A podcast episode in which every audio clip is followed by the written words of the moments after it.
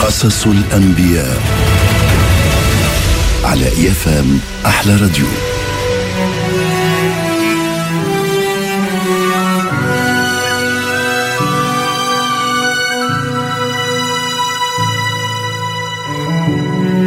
قصة اليوم على سيدنا إبراهيم عليه السلام.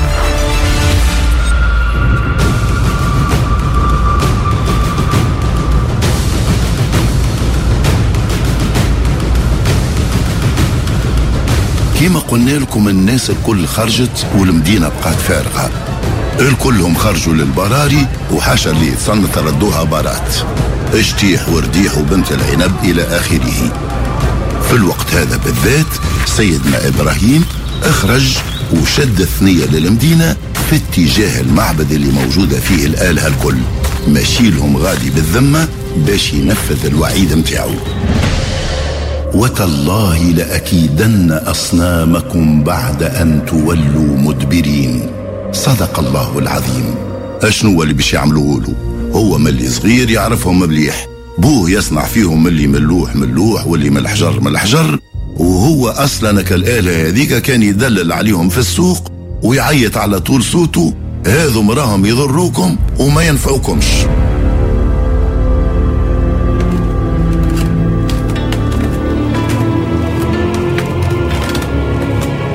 في هاك الوقت اللي القبيلة شيخين شتيح ورديح وفاعل قبيح سيدنا إبراهيم وصل للمعبد متاع الآلهة اللي يعبدوا فيها القوم متاعو دزك الباب اتحل وفي يده فاس كان جايبه معاه بالذمة.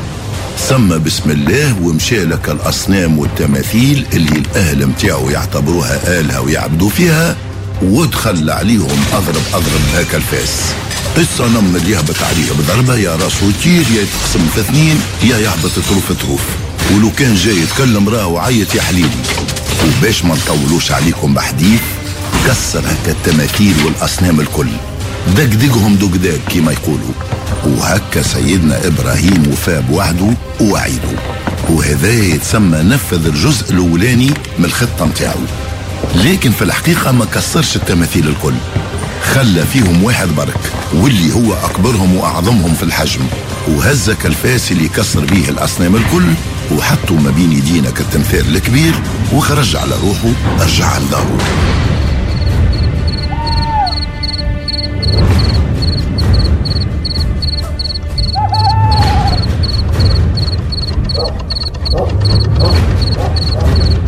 الليل طاح والقبيلة متاع سيدنا إبراهيم رجعوا للمدينة. دخلوا لها في هيلولة كبيرة كما هكا الخرجات اللي يعملوهم للوليا والصالحين. مشاو بكلهم لك المعبد الأحيان من قدام والرأية من تالي. حلوا الباب ودخلوا باش يكملوا هكا الهيلولة متاعهم للآلهة والشيء اللي شافوه دخل فيهم الهول. تقولش عليهم تضربوا بصعقة. الآلهة متاعهم مفرشخة فرشيخ. الحاصل قريب يضربهم الفالش كثرة التساؤلات والتأويلات وعم الخوف في القوم. أشكون زعما اللي يتجرأ وعمل في الآلهة متاعنا هكا ودخلوا بعضهم. كل واحد اش يقول؟ وتلامحوا أنه كبير الآلهة هكا الصنم الكبير هو الوحيد اللي بقى لاباس ما تكسرش. وفي يده الفاس. وأكيد راهم خصاص العقل متاع القبيلة قالوا ربما هو اللي خج في عقله وكسر الاله الآخرين. لكن هذا ينجم يكون تقال سر مش جهر.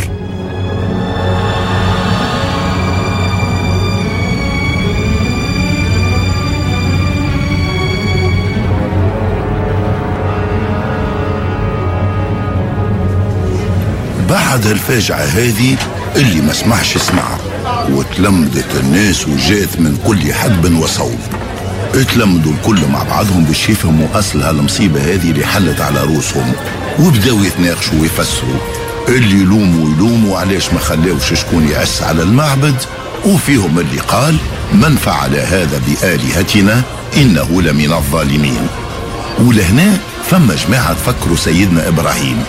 تفكروا الوعيد متاعو على الأصنام متاعهم قالوا سمعنا فتى يذكرهم يقال له إبراهيم. وهذاك مربط الفرس. القاو فاش يشدوا ويكبشوا. ووقتها اتفقوا باش يجيبوا سيدنا إبراهيم ويسألوه. يا هل ترى هو اللي مسؤول على اللي صار لآلهتهم وإلا لا؟ معناها واضح بالنسبة لهم أنه هو المتهم والأدلة الكل تدينه لأنه الناس الكل خرجوا للعيد وهو الوحيد اللي بقى في المدينة وما خرجش معه وفوق من هذا برشا ناس سمعوه وهو يتوحد في الآلهة متاعهم. والناس الكل يعرفوه اللي هو يكره الأصنام من اللي هو صغير ويدعو لدين جديد فيه رب واحد أحد لا شريك له.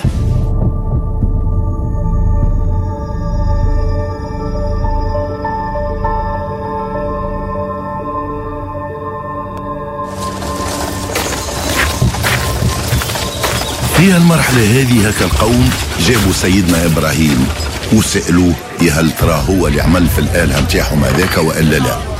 أشنو الإجابة متاع سيدنا إبراهيم؟ قال لهم أنه اللي حطم الآلهة هو التمثال الكبير. وقال لهم هيكل فاس ما بين يديه وكان ما كمش مصدقين.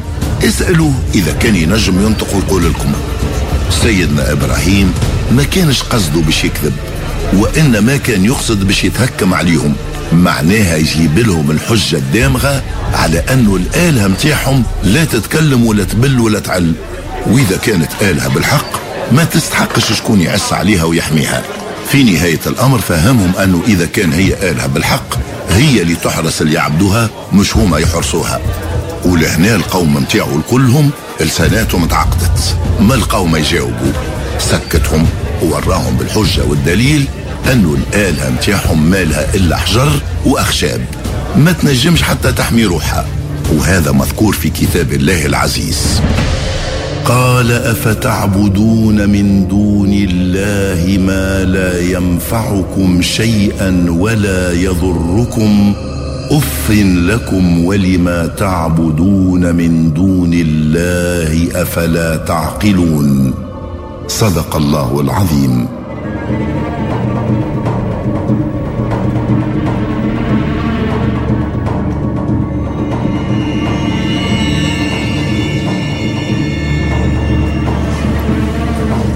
في الطور هذا الموقف متاع قوم سيدنا إبراهيم إضعف بالحجة والبرهان متاعه على آلهتهم الكاذبة واللي لا تنفع ولا تضر وما تنجمش تحمي حتى روحها. وقتها تغشوا غش كبير وقرروا أنهم باش يعاقبوه والعقاب اللي اختاروه هو القتل حرقا وفي الساحة الكبيرة متاع المدينة. وبدات التحضيرات للإعدام متاعه بقاو يلمدوا في الحطب باش يصنعوا نار عظيمة وللشي هذا الناس الكلها تجيب في الحطب وتكدس وكي شعلوا النار وحمات ولات حاجة من وراء العقل. لدرجة أنه الناس استعملوا كالنار هذيك في الشرك بالله. كيفاش يقول القائل؟ ولاو يتقربوا للآلهة متاعهم وينظروا لها فك الخشب هذاك اللي يرميوها في النار على أساس أنه الواحد كي شارك حتى بحطبة تتحقق له أمنية. هكا النار ماشية وتشعل وتلهب وتسخن وتعظم لدرجة أنه فما شكون قال والله أعلم اللي النار وصلت أنه تطير إذا كان طار فوقها يتيح مشوي في الأرض. ومن عظمة الحر متاعها المشركين من قوم سيدنا إبراهيم ما عادش ينجموا يقربوا لها ويرميوه فيها. على خاطرهم يلزمهم يقربوا لها وبما أنها كبيرة ياسر ينجموا يتحركوا. ولهنا بداو يخموا كيفاش باش يعملوا. معناها كيفاش باش يرميوا سيدنا إبراهيم في هكا النار الكبيرة. الفكرة جات واستقر الراي على أنهم يجيبوا منجنيق. ويحطوا فيه سيدنا إبراهيم ويقفوا في وسط النار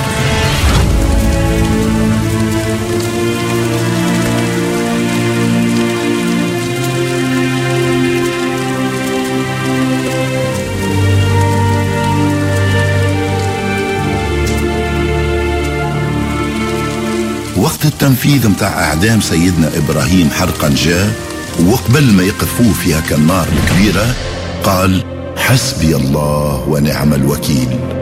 وربي سبحانه وتعالى في اللحظة هذه آمر هكا النار باش تكون بردا وسلاما على إبراهيم. آمرها باش ما تضروش.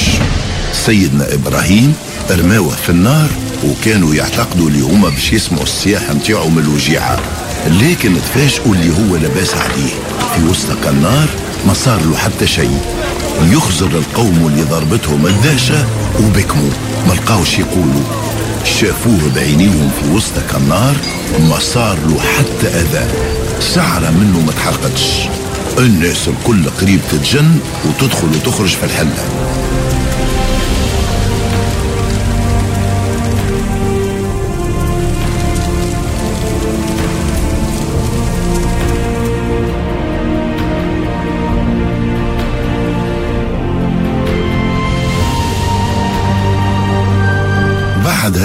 هذا اللي صار ما بين سيدنا إبراهيم وقومه أو بالأحرى المعزة اللي صارت وانتصاره على المشركين من أهل وقومه بقدرة ربي اللي قال في كتابه العزيز فأرادوا به كيدا فجعلناهم الأسفلين.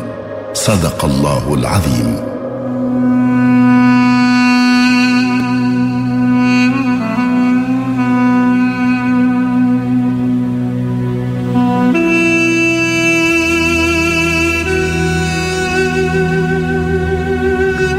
بعد اللي صار لسيدنا إبراهيم مع قومه المشركين قرر باش يخرج من بابل ويسافر.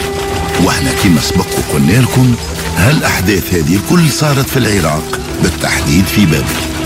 وهو مازال ما خرجش من البلاد باش يتوجه للشام. هو ومرته سارة بنت عمه وولد خوه لوط. ويلزمكم تعرفوا أنهم الثلاثة مسلمين الربي موحدين به في هكا الزمان.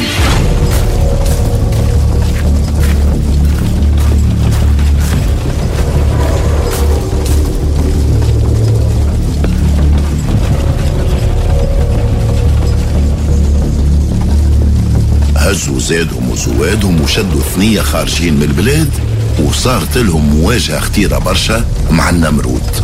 والنمرود هذا هو ملك بابل ومن الملوك الأربعة اللي ملكوا الأرض وهذا حسب علماء الشريعة والدين. والله أعلم. هالملوك الأربعة هذوما اثنين كافرين واثنين مسلمين. المسلمين اللي يمنوا بربي ويوحدوه هما النبي سليمان عليه السلام والملك الثاني هو ذو القرنين. والزوز الاخرين المشركين هما الملك بختنصر والنمرود ابن كنعان. النمرود هذا ملك قوي برشا بالجيش متاعه وغني ياسر ما يعرفش يطرفخ لهوين الحاصل ولا معتد بنفسه ومتجبر. ويوصل به الشيء لدرجة أنه دعا الناس باش يعبدوه هو. وبالفعل برشا ناس صدقوه وآمنوا به. والبقية بقاو في عبادة الأصنام.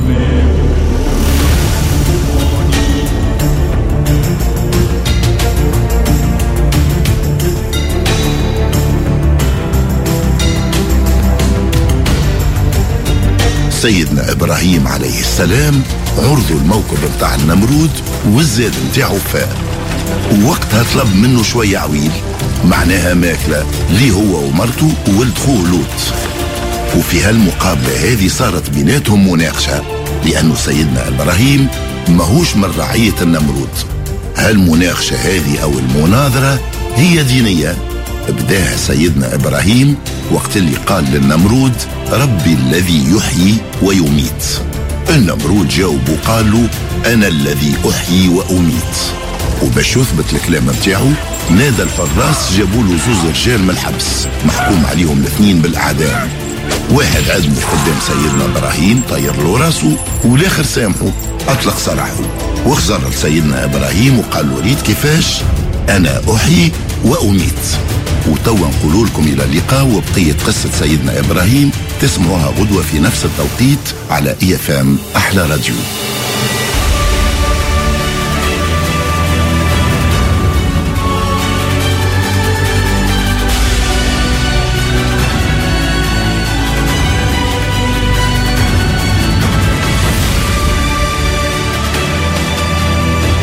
قصص الأنبياء. تسمعها كل يوم مع محمد السياري على IFM أحلى راديو.